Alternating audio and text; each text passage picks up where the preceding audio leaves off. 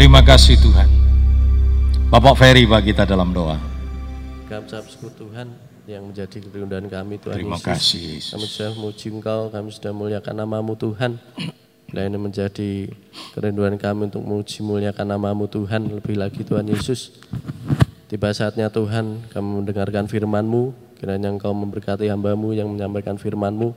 Bila apa yang menjadi eh, yang keluar dari lidah hamba bibirmu Tuhan eh, menjadi kekuatan bagi setiap kami, menjadi pedoman bagi setiap kehidupan kami Tuhan Yesus. Kami siap mendengarkan firman-Mu hanya di dalam nama Tuhan Yesus. Haleluya Tuhan. Amin.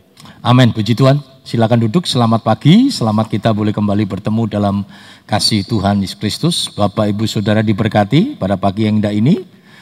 Amin. Allah yang kita sembah adalah Allah yang ajaib, yang luar biasa, yang boleh menolong kita semua masih di dalam suasana Paskah, ya. Tema Paskah kita pada eh, tema firman Tuhan pada pagi yang indah ini adalah kasih tanpa batas ya, kasih tanpa batas. Mari kita bersama-sama melihat dalam Mazmur 36 ayat yang ke-6. Mazmur 36 ayat yang ke-6 saya undang kita bangkit berdiri, kita akan membaca ayat ini bersama-sama ya. Mazmur 36 ayat yang ke-6.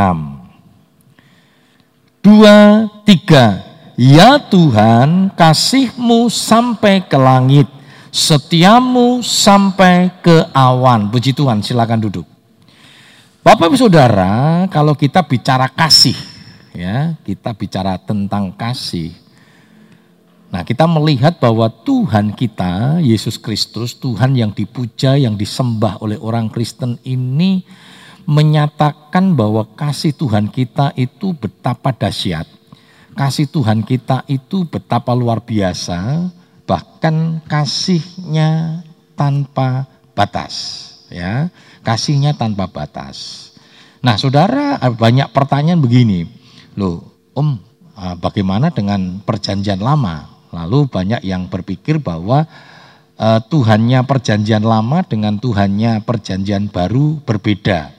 Lalu ngomong lu bagi eh, kok sepertinya ada pergeseran antara perjanjian lama dan perjanjian baru. Begitu Saudara. Nah, sebenarnya tidak. Allah kita tidak pernah berubah. Wong firman Tuhan jelas dikatakan Allah itu tidak be- berubah. Nah, kalau kita melihat di dalam perjanjian lama banyak sekali hukuman yang diberikan ya tentang bagaimana Tuhan itu luar biasa ya. Nah, itu bicara tentang keadilan. Nah kita tahu bahwa Allah kita itu Allah yang adil, Allah kita itu Allah yang luar biasa, yang boleh menolong kita semua. Kita melihat Allah itu Allah yang adil. Makanya pada waktu Roma 6 ayat yang ketiga, eh, 23 dikatakan upah dosa ialah maut. Ya, dan Allah tidak bisa meralat itu. Allah tidak bisa mengganti hukumnya itu, ya. Terus karena kasih sudahlah, sekarang upah dosa ialah surga gitu. Artinya orang yang berbuat berbuat berbuat dosa masuk surga enggak bisa Saudara. Tetapi di pihak yang lain kita lihat sudah luar biasa tentang kalau kita bicara tentang keselamatan. Keselamatan itu yang bikin bikin masalah manusia. Ya, bikin persoalan manusia. Tetapi akhirnya ketika manusia jatuh dalam dosa dengan kasih Allah yang luar biasa itu Allah sudah merancangkan sebuah master plan ya, rencana besar tentang penyelamatan umat manusia. Ya, kita kenal dengan janji induk kejadian 3:15 itu yaitu bicara tentang proses rancangan Tuhan untuk penyelamatan manusia dan digenapi peristiwa Paskah. Ya, kematian Yesus itu menggenapi apa yang Tuhan sudah janjikan kepada manusia ya makanya pada waktu Yesus mati ayat uh, kasih yang karya yang sempurna itu ya dikatakan sudah selesai ya sebelum Yesus meninggal dia berkata sudah selesai tetelestai. Artinya sudah genap. Genap artinya semua nubuatan semua janji Tuhan sudah Tuhan genapi. Ya sudah tuntas termasuk proses penebusan umat manusia itu sudah selesai sudah dibayar lunas. Itu nanti kalau kita lihat di kitab yang lain dikatakan bahwa Tuhan itu sudah membayar dengan lunas Ya, lunas itu arti uh, di dalam bahasa aslinya lutro. Lutro itu artinya dibayar cash, ora dicicil saudara ya. Jadi dibayar selesai lunas ya. Saya kira percaya bahwa saudara kalau punya kreditan motor gitu saudara ya, kredit, kredit, wah ini bulan yang terakhir itu begitu membayar, waduh lunas. BPKB ini sudah bisa diberikan, wah lega hati ini ya, wah luar biasa. Nek ngono bulan depan nyicil meneh, kayak waduh jangan ya saudara ya. Boleh nyicil boleh ya saudara ya, saudara boleh nyicil. Tetapi memang angsuran itu sebenarnya biayanya cukup tinggi ya, biayanya cukup tinggi. Artinya harga harga motor yang mungkin kalau cash itu 13 juta, kalau dicicil bisa mencapai 17 juta. Kok larang men? Ya itu kan nilai nilai sebab nilai nilai pakainya itu kan tinggi sekali. Betul, betul nggak saudara? Saudara diuntungkan dengan nilai pakai. Nek tuku cash ora iso, sekarang ada angsuran. Boleh nggak? Boleh, silahkan. Tapi dengan catatan Anda harus tahu kekuatan keuangan. Ya, jadi itu memang uang sisa. Ya, saudara sudah kerja, saudara bisa kumpulkan semua kebutuhan pokok sudah sudah Bapak sudah selesaikan, lalu ada uang sisa sekian, nek uang sisanya itu dikumpulkan selama lima tahun gitu ya. Begitu lima tahun meh tuku motor, motornya harganya naik kan gitu. Anda akhirnya menggunakan itu dengan cara ang angsuran. Silahkan, tetapi harus betul-betul diperhitungkan Jangan sampai cicilan membuat kita mencicil. Nah, kan banyak sudah ya. Cicilan-cicilan itu akhirnya membuat kita mencicil sudah resom bayar doyak-oyak debt kolektor, engko nek ditagih debt kolektor lebih galak daripada debt kolektornya gitu sudah ya. Hati-hati sudah ya, hati-hati. Nah, kembali kepada firman Tuhan, kata kasih tak terbatas berulang-ulang saya sampaikan kepada Bapak Ibu Saudara dalam bahasa Alkitab ya bahasa asli ada empat macam kasih. Yang pertama disebut dengan agape. Seringkali saya sampaikan begini, kalau menyebut agape tidak boleh dengan kata kasih. Kasih agape, kasih filio itu rancu. Kenapa? Agape itu artinya kah? kasih. Jadi kalau saudara menyebut kata agape sama kasih agape sama saja dengan menyebut kasih-kasih. Ya, agape diterjemahkan dalam bahasa Indonesianya itu adalah kasih. Cuma keterbatasan, keterbatasan eh, apa ya eh, bahasa perbendaraan bahasa Indonesia ya. Jadi eh, kosakata perbendaraannya bangsa Indonesia kan terbatas sekali sudah ya.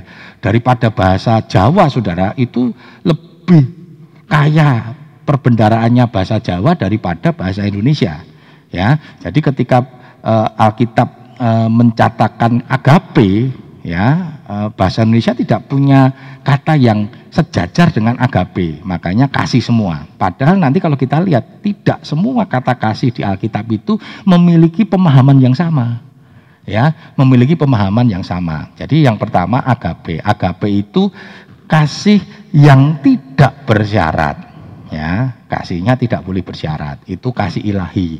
Ya kasih Tuhan dasarnya Tuhan itu agape yang tidak bersyarat ya tidak bersyarat saudara ya. Oh, tetapi kenapa ada ada apa namanya uh, hukuman-hukuman? Nah hukuman itu bicara tentang keadilan Tuhan. Allah kita itu Allah yang adil. Bayangin saudara ya.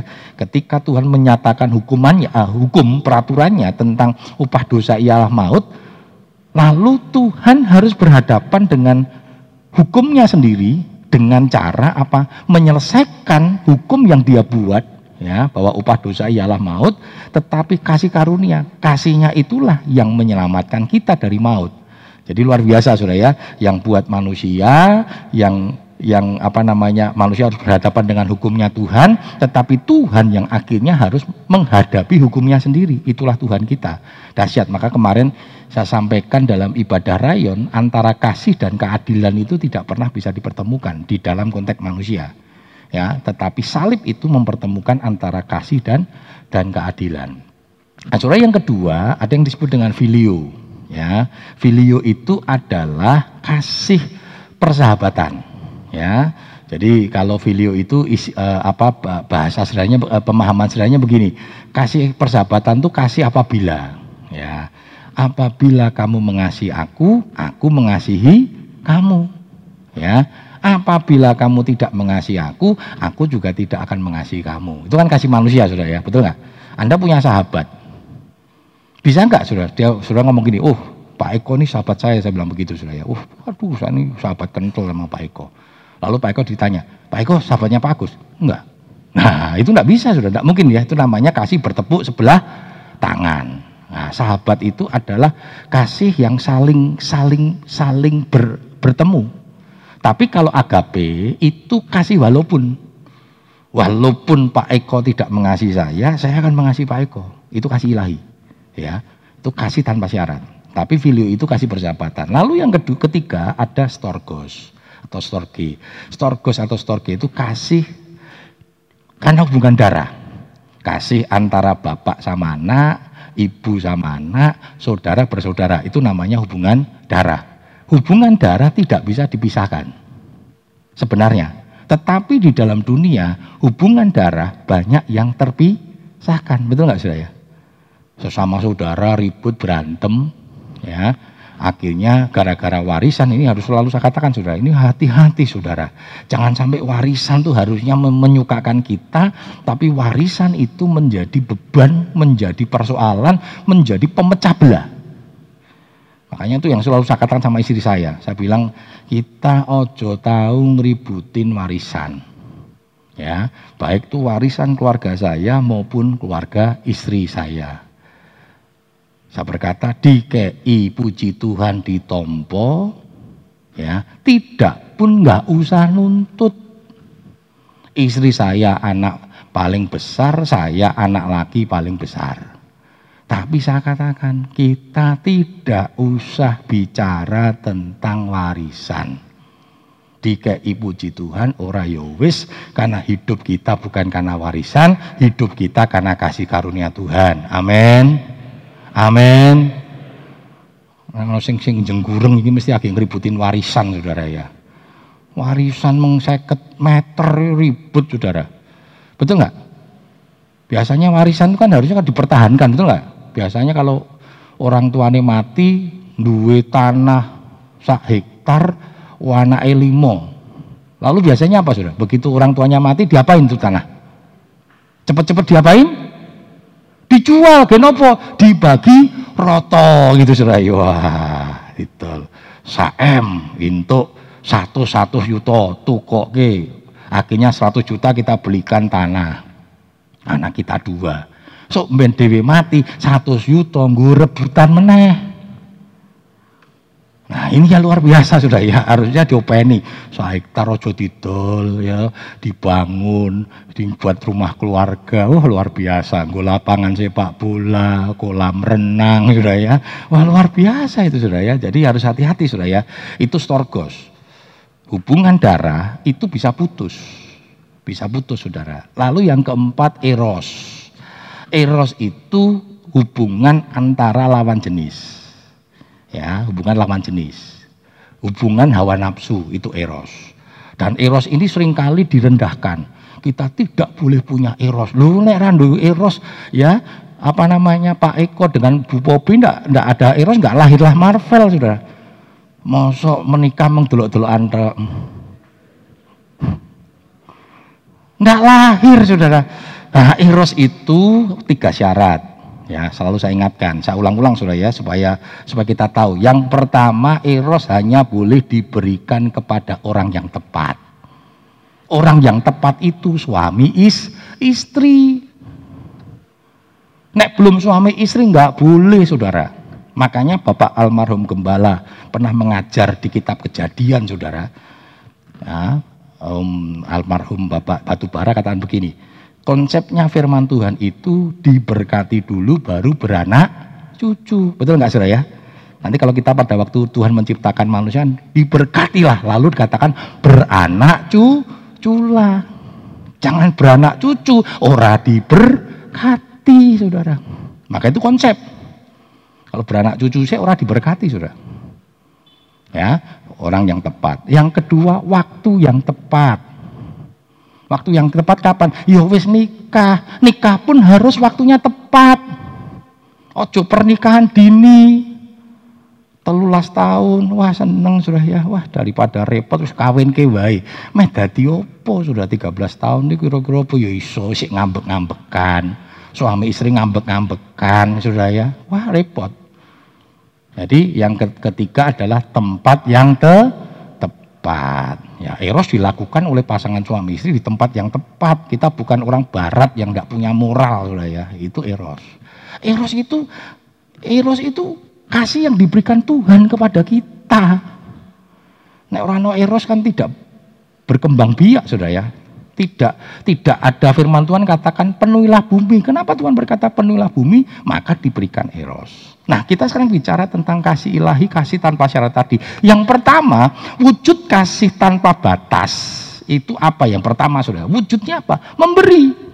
Coba kita lihat dalam Yohanes 15 13.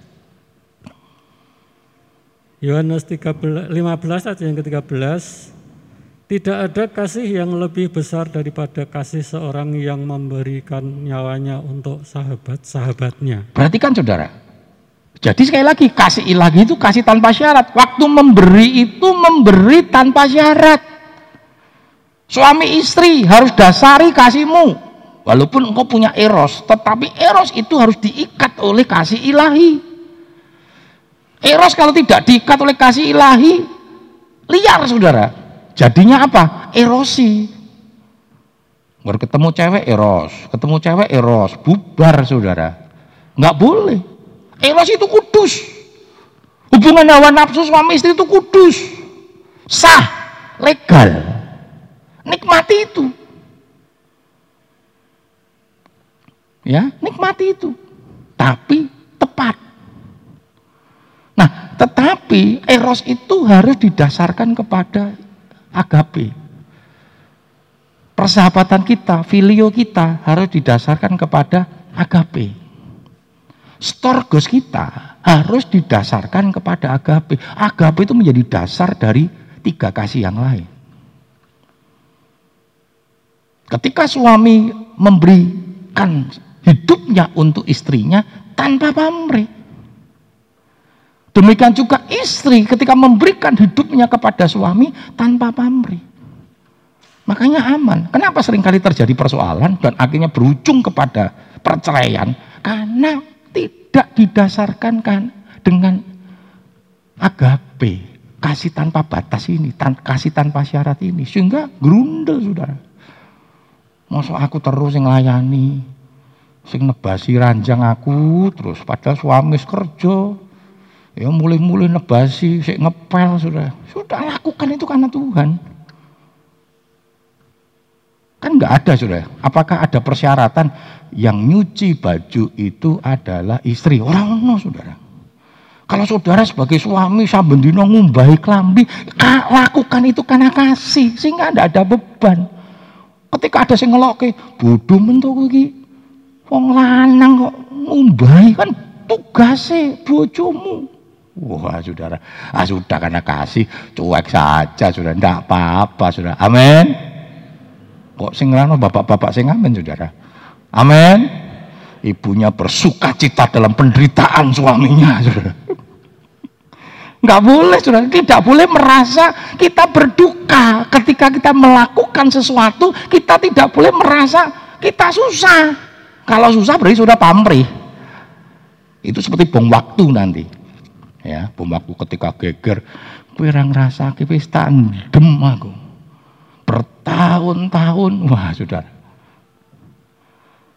Seperti ada seorang istri yang berkorban untuk suaminya saudara. Satu kali ya dia suka masak ikan bakar saudara. Dia tahu ya paling enak itu kan kepala. Betul saudara ya? Saya baru tahu saudara. Ya, itu kalau orang luar pulau, orang Sulawesi, ya, ikan itu paling enak di kepalanya saudara. Makanya mahal. Kepala ikan itu mahal saudara. Lalu sang istri ngomong gini, walaupun aku senang kepala, ya, tetapi eh, apa namanya, walaupun aku senang kepala, aku akan berikan kepada suamiku karena saya tahu ini adalah bagian yang terenak. Setiap dia masak ikan bakar saudara, dia berikan kepada suaminya. Dia makan. Apa? Badannya sudah badan ikan bakar. Wah walaupun dia rasanya untuk suami ini mangan ndas saudara kok. Menyenangkan sudah udah pengen waduh rasanya enak gitu sudah ya. Dia lihat suaminya makan dengan seneng senyum ditanya gimana suami? Enak? Hmm, enak kata saudara. Wah samsoyo neng hati aduh tapi saya mengasihi istri saya, saya berkorban, saya akan memberikan apa yang menjadi kesenangan saya. Waktu berjalan terus saudara, sudah berjalan kurang lebih 10 tahun pernikahan itu. Setiap kali makan ikan bakar ya, lalu selalu kepalanya diberikan kepada sang suami. Tapi 10 tahun rata mangan das saudara, padahal das, kepala, das ikan itu paling di, dia hobi. Saudara. Satu kali saudara ya, satu kali geger. Ya, satu kali geger. Kewetu saudara, kok iki kok ora lihat bagaimana kasih saya kepadamu Contohnya ikan bakar. Aku tuh paling seneng das katanya. Tapi aku berikan kepadamu karena aku tahu kepala ikan itu paling enak. Aku hanya makan tubuhnya. Tapi kamu tidak pernah mengerti. Suami ngomong gini, 10 tahun juga aku nahan, kau ngerti lah. Aku tuh ikan paling seneng badannya orang dasi. Sepuluh tahun aku bukain das terus katanya. Nah ternyata jadi persoalan saudara. Wah ngerti ngono katanya. Nah, itu harus hati-hati saudara. Makanya itu namanya pamrih ya. Jadi jangan pernah melakukan sesuatu itu dasarnya pamrih. Waduh ya dasarkan karena engkau mengasihi. Saudara firman Tuhan katakan memberi itu identik dengan berbahagia. Ya, coba kita lihat kisah Rasul 20 35. Kisah Rasul 20 hati yang ke-35. Dalam segala sesuatu telah kuberikan contoh kepada kamu bahwa dengan bekerja demikian kita harus membantu orang-orang yang lemah dan yang harus ingat perkataan Tuhan Yesus. Sebab ia sendiri telah mengatakan dalam leb adalah lebih berbahagia memberi daripada menerima. Amin. Amin. Saudara lebih berbahagia memberi atau di, menerima? Saudara lebih berbahagia memberi atau menerima? Tenannya lo saudara. Ya, kadang enak diberi saudara ya. Diberi. Ya, apa meneh pemberian dari pemerintah gratis, jenenge gratis kan luar biasa saudara menyenangkan saudara. Tapi firman Tuhan tidak katakan apa? Lebih berbahagia mem memberi daripada menerima. Kenapa? Berarti kalau sudah memberi kan sudah diberkati. Amin. Ketika Bapak Saudara berani memberi, Saudara sedang diberkati. Memberi itu belum belum tentu dia lebih lebih lebih ini Saudara, lebih mampu loh Saudara. Tidak. Memberi itu butuh hati. Hati yang ikhlas tetapi jangan takut firman Tuhan. Katakan memberi itu berbahagia.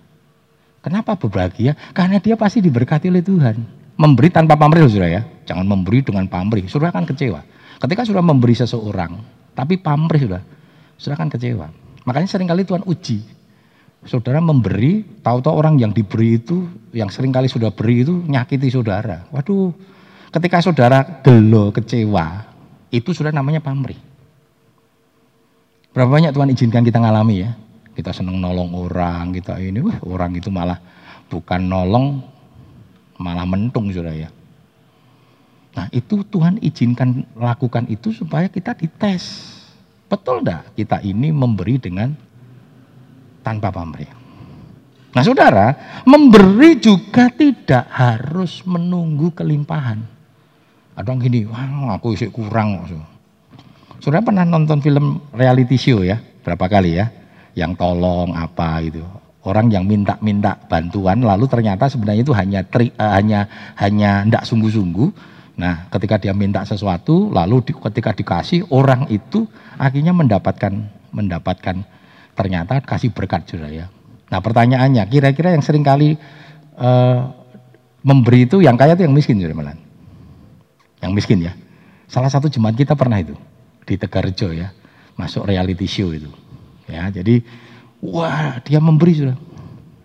Wah, akhirnya akhirnya ternyata itu hanya sebuah tidak uh, sungguh-sungguh ketika dia memberi, akhirnya dia malah diberi sudah. Nah, memberi ini butuh hati. Dan tidak harus nunggu kelimpahan dulu. Alasan tok, Saudara. Om nangku nek sugih aku tak ngeki, wong kowe ra duwe ora ngeki pun duwe kowe duwe sudah. Duwe itu semakin semakin awal sudah, betul nggak? Makanya nggak gampang saudara, nggak gampang. Ya orang semakin apalagi yang memang latar belakangnya kayaknya karena kerja keras, waduh, sewu aku keringet, wah ngotos ngotos ini. Wong jaluk jaluk enak kok, wong jaluk ngono ajreng ajreng. Wah ini luar biasa sudah ya. Wis rangkai rangkai sudah selesai sudah, tidak usah ini sudah ya. Nah kita lihat itu, itu biasa kalau banyak ngomong itu memang artinya awal sudah ya. Artinya awal, tahu awal? Awal itu bukan burung hantu sudah ya. Apa itu awal itu? Ya pelit lah sudah ya, ya pelit gitu sudah ya. Coba kita lihat dalam Maskur Mas Markus 1244. Markus. Markus 12 ayat yang ke-44 Sebab mereka semua memberi dari kelimpahannya, tetapi janda ini memberi daripada kekurangannya. Semua yang ada padanya, yaitu seluruh nafkahnya. Perhatikan sudah, ada janda, ya Tuhan kasih contoh itu, ngajar sama muridnya di depan gereja begitu. Lalu model dulu ternyata tidak pakai kantong kolektor, saudara. Dikasih kotak ya, seperti kotak persembahan misi dan sebagainya. Dan dulu uangan belum ada kertas saudara, dari koin. Ada orang kaya datang, wah hawa lemu, wetenge gede, sudah gitu ya, digambarkan nanti kan seperti itu. Lalu masukkan ke kotak persembahan. Kerincing, kerincing, kerincing, kerincing, wah oke okay, ya. Lalu datanglah janda yang sederhana, masukkan dua keping. Ketep, ketep saudara ya Lalu Tuhan ngomong begini, siapakah yang memberikan yang terbesar? Dan apa yang Tuhan ajarkan? Wanita yang sudah memberikan dua keping uangnya. Kenapa sudah? Ternyata dua keping itu harta keseluruhannya. Luar biasa sudah. Ini bukan perumpamaan loh. Ini realita, itu kenyataan. Pertanyaan saya begini, kira-kira janda ini besoknya mati enggak sudah? Mati kaliren enggak? Enggak. Masih ingat janda Sarfat? Ketika dia berani berikan yang tulus. Tulus loh ya. Jangan bar ngei, loh sisuk dineni Tuhan kok berkati urung ngono yo. Katane nek ngei seluruhnya terus dikai wah lebih banyak lagi. Itu namanya pamrih. Tapi janda ini memberi dengan ketulusan. Itu butuh hati, saudara. Hati yang mengasihi. Kalau engkau tidak mengasihi Tuhan, tidak gampang, saudara. Tidak gampang. Setiap kali ada proyek, ya kalau engkau mengasihi Tuhan, kau akan ambil bagian. Saya sedang tidak memotivasi Bapak Saudara untuk banyak ngasih untuk gereja. Tidak. Sebab kalau sudah tidak punya hati, tidak gampang saudara. Tidak mudah. Itu butuh hati yang mengasihi. Dan minta terus sama Tuhan. Punya hati yang mengasihi. Yang kedua, wujud kasih tanpa batas apa sudah? Berkorban. Ya. Markus 10:45. Markus 10 ayat ke-45. Karena anak manusia juga datang untuk melayani, melainkan uh, maaf saya ulang. Karena anak manusia juga datang bukan untuk dilayani, melainkan untuk melayani dan untuk memberikan nyawanya menjadi tebusan bagi banyak orang. Perhatikan saudara, Tuhan datang sudah memberikan contoh, bukan untuk dilayani, tetapi untuk melayani, bahkan memberikan nyawanya, berkorban, memberikan nyawanya untuk kita semua. Tuhan sudah kasih contoh. Dan kita adalah orang Kristen. Apa itu maksudnya Kristen? Kristen itu pengikut Kristus. Artinya semua teladan Kristus harus kita ikuti. Dan satu-satunya tokoh. Kalau kita bicara Yesus manusia sudah. Satu-satunya tokoh di dunia ini yang keteladannya, keteladanan hidupnya dapat kita ikuti 100%. Seluruh aspek hidupnya kita bisa ikuti 100% tanpa kita takut.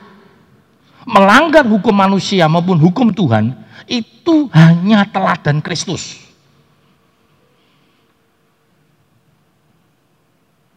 Betul nggak sudah? Apa yang Yesus kerjakan, lakukan, lalu kita coba kutak-kutik, coba kita cari-cari kesalahannya, baik itu secara hukum manusia maupun hukum Tuhan. Gak pernah ada. Kita bisa berdebat untuk itu. Tapi kalau tokoh yang lain, saudara, mau tokoh apa pun, tokoh tokoh dunia, tokoh politik, tokoh agama sekalipun, tidak bisa 100% teladan hidupnya kita bisa ikuti. Mungkin secara agama nggak apa-apa, tapi melanggar hukum dunia. Tapi Yesus luar biasa, saudara. Apa pun kita bisa lakukan. Seperti saya katakan ya, ajarkan apa sudah?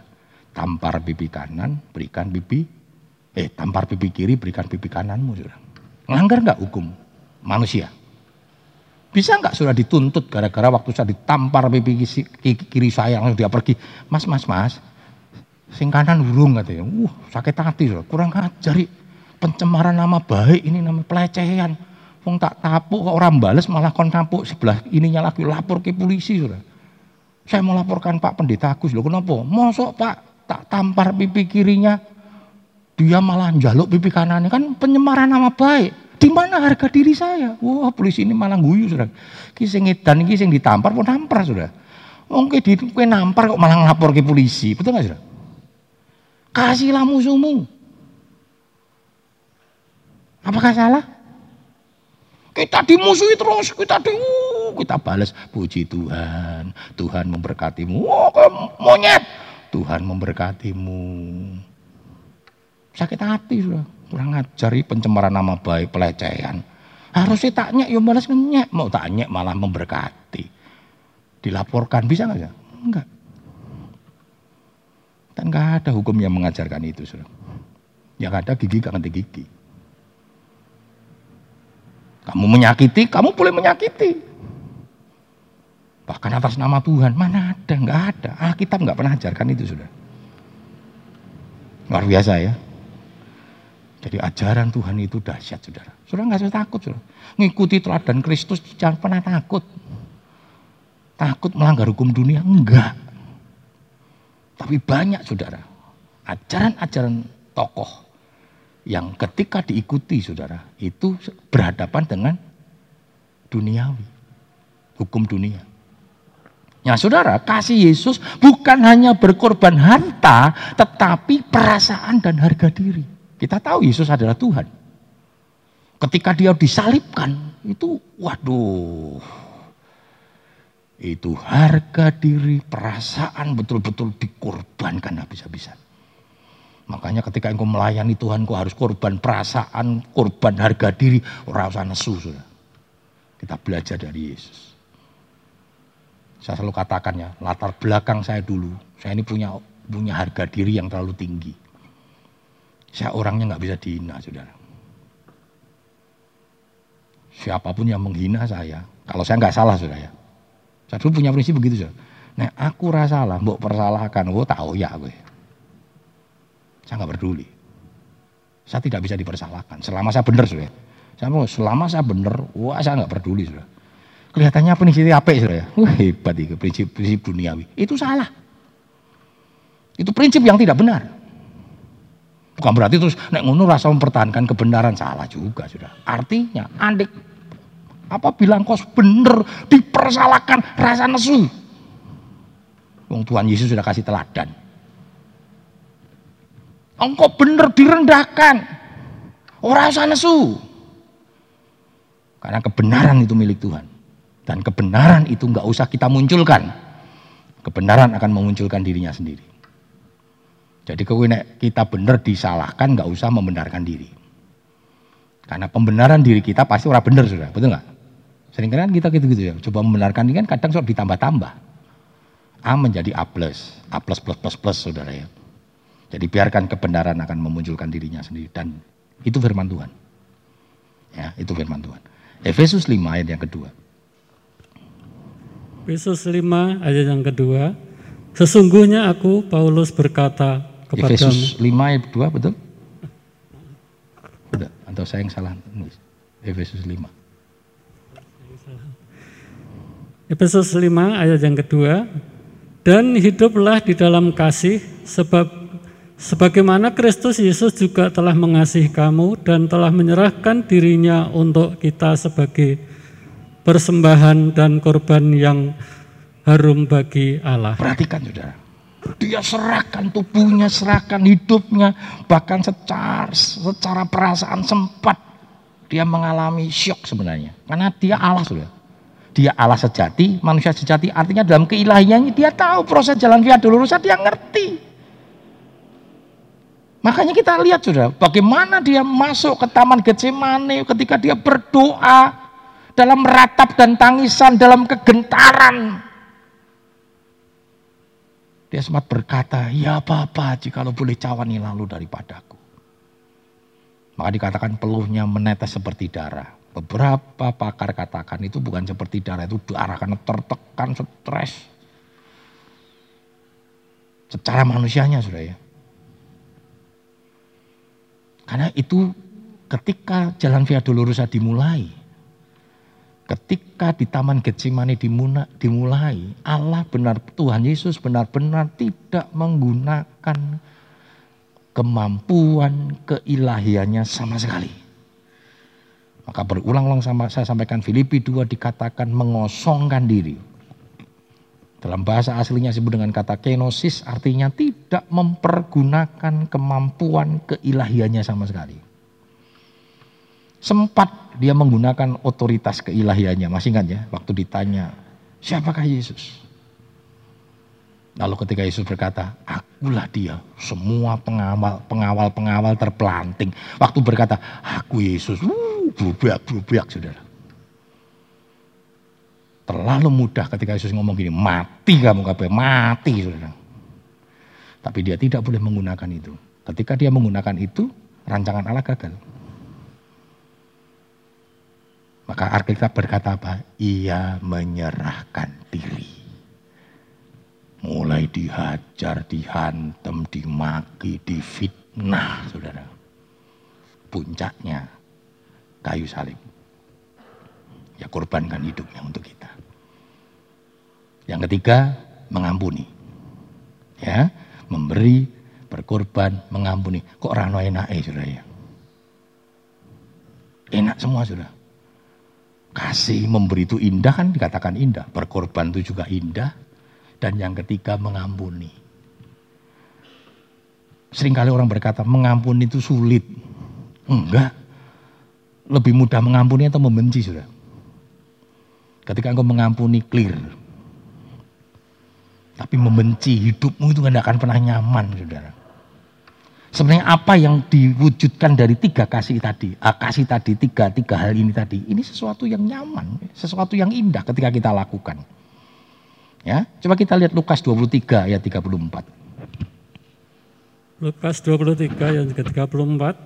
Yesus berkata, "Ya Bapa, ampunilah mereka sebab mereka tidak tahu apa yang mereka perbuat dan mereka membuang undi untuk membagi pakaiannya." Kita tahu ya, ketika Yesus berkata seperti ini, dia sedang mendoakan, memohon kepada Tuhan, kepada orang-orang yang nyakiti dia, bahkan membunuh dia, menyalibkan dia. Dan jangan lupa, salib adalah hukuman paling hina. Ini bukan hukumannya orang Israel. Kalau hukumannya orang Israel ada rajam. Nah rajam, rajam itu biasanya untuk perzinahan. Dan Yesus nggak pernah bisa dituduh untuk itu. Tidak, tidak mungkin dihukum mati. Tetapi caranya bagaimana? Dihukum secara hukuman orang Romawi. Salib. Dan itu hukuman paling hina, paling menjijikkan. Orang yang sudah disalib itu betul-betul dipermalukan, dia nggak punya harga diri lagi. Kalau kita sering kali nonton sudah ya, orang yang disalib itu Yesus kan hanya pakai kain. Tidak sudah. Orang yang disalib itu betul-betul ditelanjangin habis. Bisa bayangkan itu. Yesus adalah Allah sejati harus dipermalukan habis-habisan. Dipermalukan. Gimana sudah? Banyak orang ditelanjangi sudah ya. Wah ditelanjangi karena malu telanjang. Dia bisa bisa nutup. Nah wong disalib ki piye cara nutupi sudah. Itu udah betul-betul sudah tidak punya kemampuan. Kecuali dua yang dipenjara dia tidak punya kemampuan. Yesus mampu sudah. Ketika dia disalib dia langsung paku ucul kabel, gliding gliding gliding bisa sudah terlalu mudah betul nggak? Itu ada film The Last Temptation itu ujian yang terakhir. Itu film sesat. Ya, saya punya ya sudah. Tapi saya nggak pernah pertontonkan. Saya hanya buat data aja file saya. Itu waktu itu kira-kira tahun 80-an itu ditolak orang-orang Kristen menolak masuk ke Indonesia dan bersyukurlah nggak pernah masuk ke gedung biskup Indonesia. Jadi ceritanya ketika Yesus disalib dia nesu sudah kurang ajar ya. Wah, aku Tuhan mau tak tebus kok malah kalian nyalip saya. Ngucul sudah, ngucul di dewi. Itu dia punya kemampuan. Dia nesu sudah, ngiduk toko salib. Akhirnya pergi ke Maria Magdalena. Wah, curhat sama Maria Magdalena. Akhirnya chemistry kawin. Tuhan Yesus menikah dengan Maria Magdalena. Itu pengajarannya Mormon gitu ya. Pengajarannya Mormon seperti itu. Menikah sudah, menikah sampai tua. Punya anak, berkeluarga, wis tua. Jadi tua, ada sakit-sakitan dia raiso jalan, tidur di tempat tidur ya. Datanglah Yudas. Ya, Yudas langsung jadi pahlawan, nesu sama Tuhan Yesus. Hei, Yesus, kue lu. Kamu itu lu, harusnya kan kamu mati di salib. Malah seneng-seneng menikah sama Maria Magdalena. Ayo, sekarang genapi firman Tuhan. Salib. Uh, akhirnya kasihan didramatisir itulah tadi ujian terakhir. Akhirnya Tuhan Yesus itu memenuhi ujiannya sudah ya. Kudu mati sudah akhirnya dengan cara merangkak turun dari tempat tidur ya. Dia jalan merangkak. Kan itu yang melaku sudah ya. ya sampai ke Golgota ya. Ada salib di situ. Akhirnya menek dewe saudara ya. Nyalip dewe terus mati. Ah saudara ini sesat Itu ada film diproduksi. Oh Amerika kan boleh sudah, mau gereja setan aja boleh siaran, mereka nggak ditangkap negara demokrasi sudah, nggak apa-apa. Agama itu bagi orang-orang orang Amerika itu pilihan, itu sifatnya personal. Makanya kalau di Amerika bersyukurlah Indonesia sudah. Kadang sok kita, wah yang Amerika enak. Siapa yang bilang kekristenan di sana juga nggak enak sudah. Saudara ngada apa makan rame-rame ya di tempat umum sembayang. Nah, kita gitu sudah ya. Wah, ayo doa. Oh, oh enggak boleh sudah. Nggak boleh. Karena agama itu nggak boleh ditunjukkan. Agama itu bersifat personal. Nek memangan sembahyang neng rumah, bukan di rumah makan gitu ya. Wah, luar biasa loh. Nah sudah kita lihat, Tuhan kita luar biasa. Dia masih berdoa loh sudah. Bapak, ampuni ya. Mereka nggak ngerti. Bisa nggak sudah berdoa untuk orang yang menyakiti saudara? Bisa enggak engkau berdoa untuk suami yang suka ringan tangan? Suka nyakitimu. Dan kau berdoa, Tuhan, ampuni suami saya. Dia nggak ngerti apa yang diperbuatnya. Ubah hidupnya. Apa lebih banyak kita keloro-loro, sudah ya. Waktu kita disakiti kita keloro-loro. Apa itu keloro-loro? Rasa sakit, sakit hati. Kalau kita nuntut sama Tuhan, Tuhan, Engkau tidak lihat anakmu diperlakukan seperti ini. Bela, bela. Lebih banyak seperti itu kan. Waktu orang nyakiti kita saudara ya. Tahu-tahu kita dengar kabar kemarin jalan yang sawah kena bledek, petir, mati. Uh, haleluya. Ini pembelaan Tuhan loh saudara kan luar biasa. Hati-hati saudara. Apakah betul itu pembelaan Tuhan? Mari kita belajar mengampuni saudara. Mengampuni adalah menganggap peristiwa itu tidak pernah ada. Beda dengan memaafkan. Memaafkan melupakan, sudah. Orang nggak pernah bisa melupakan. Nggak pernah bisa. Pasti diinget-inget terus ya. Suaminya pernah bersalah bilang sorry yo ma, aku jarum maaf. Yo tak maaf ke yo. Ojo diulang lagi yo. Ya, neng neng hati wudu. ngeringet, nangis, saudara. Kenapa? Memaafkan aja. Memaafkan tuh memorinya masih, saudara. Mengampuni itu dalam konteksnya Tuhan, saudara. Itu artinya menganggap peristiwa itu nggak pernah ada. Wah luar biasa, saudara. Coba kita lihat dalam Yesaya 1:18. Yesaya 1 ayatnya 18. Marilah berperkara kepada berperkara firman Tuhan. Sekalipun dosamu merah seperti kirmisi akan menjadi putih seperti salju. Sekalipun berwarna merah seperti kain kesumba akan menjadi putih seperti bulu domba. Perhatikan saudara. Dosa semerah kermisi. Kermisi itu buah. Warnanya merah sudah. Untuk pewarna biasanya. Dan orang kalau sudah kena getahnya warna kirmis nggak bisa hilang. Ya. Tapi firman Tuhan katakan apa? Walaupun dosamu semerah kermisi, disucikan seputih salju. Merah kermisi nggak pernah ada. Noda itu nggak pernah ada karena sudah dihapuskan. Dosa ketika engkau minta ampun kepada Tuhan dan berubah, bertobat, maka firman Tuhan katakan dosa semerah kermisi disucikan seperti salju. Ada yang punya latar belakang masa lalu hidup dalam dosa jangan pernah takut. Walaupun manusia mungkin tidak dapat melupakan, tetapi Tuhan sudah menganggap dosa itu tidak pernah ada. Ya, kadang manusia yang inget-inget saudara. Oh, nah nggak apa-apa, selama engkau bertobat saudara. Maka dosamu sudah tidak diperhitungkan oleh Tuhan lagi. Mari Pagi yang indah ini kita belajar tentang kasih tanpa batas. Kasih yang memberi, kasih yang berkorban, kasih yang mengampuni. Kasihlah itu. Tuhan sudah berikan sama kita. Nah sekarang bagaimana kita juga harus mengekspresikan kasih itu. Minta kekuatan Tuhan.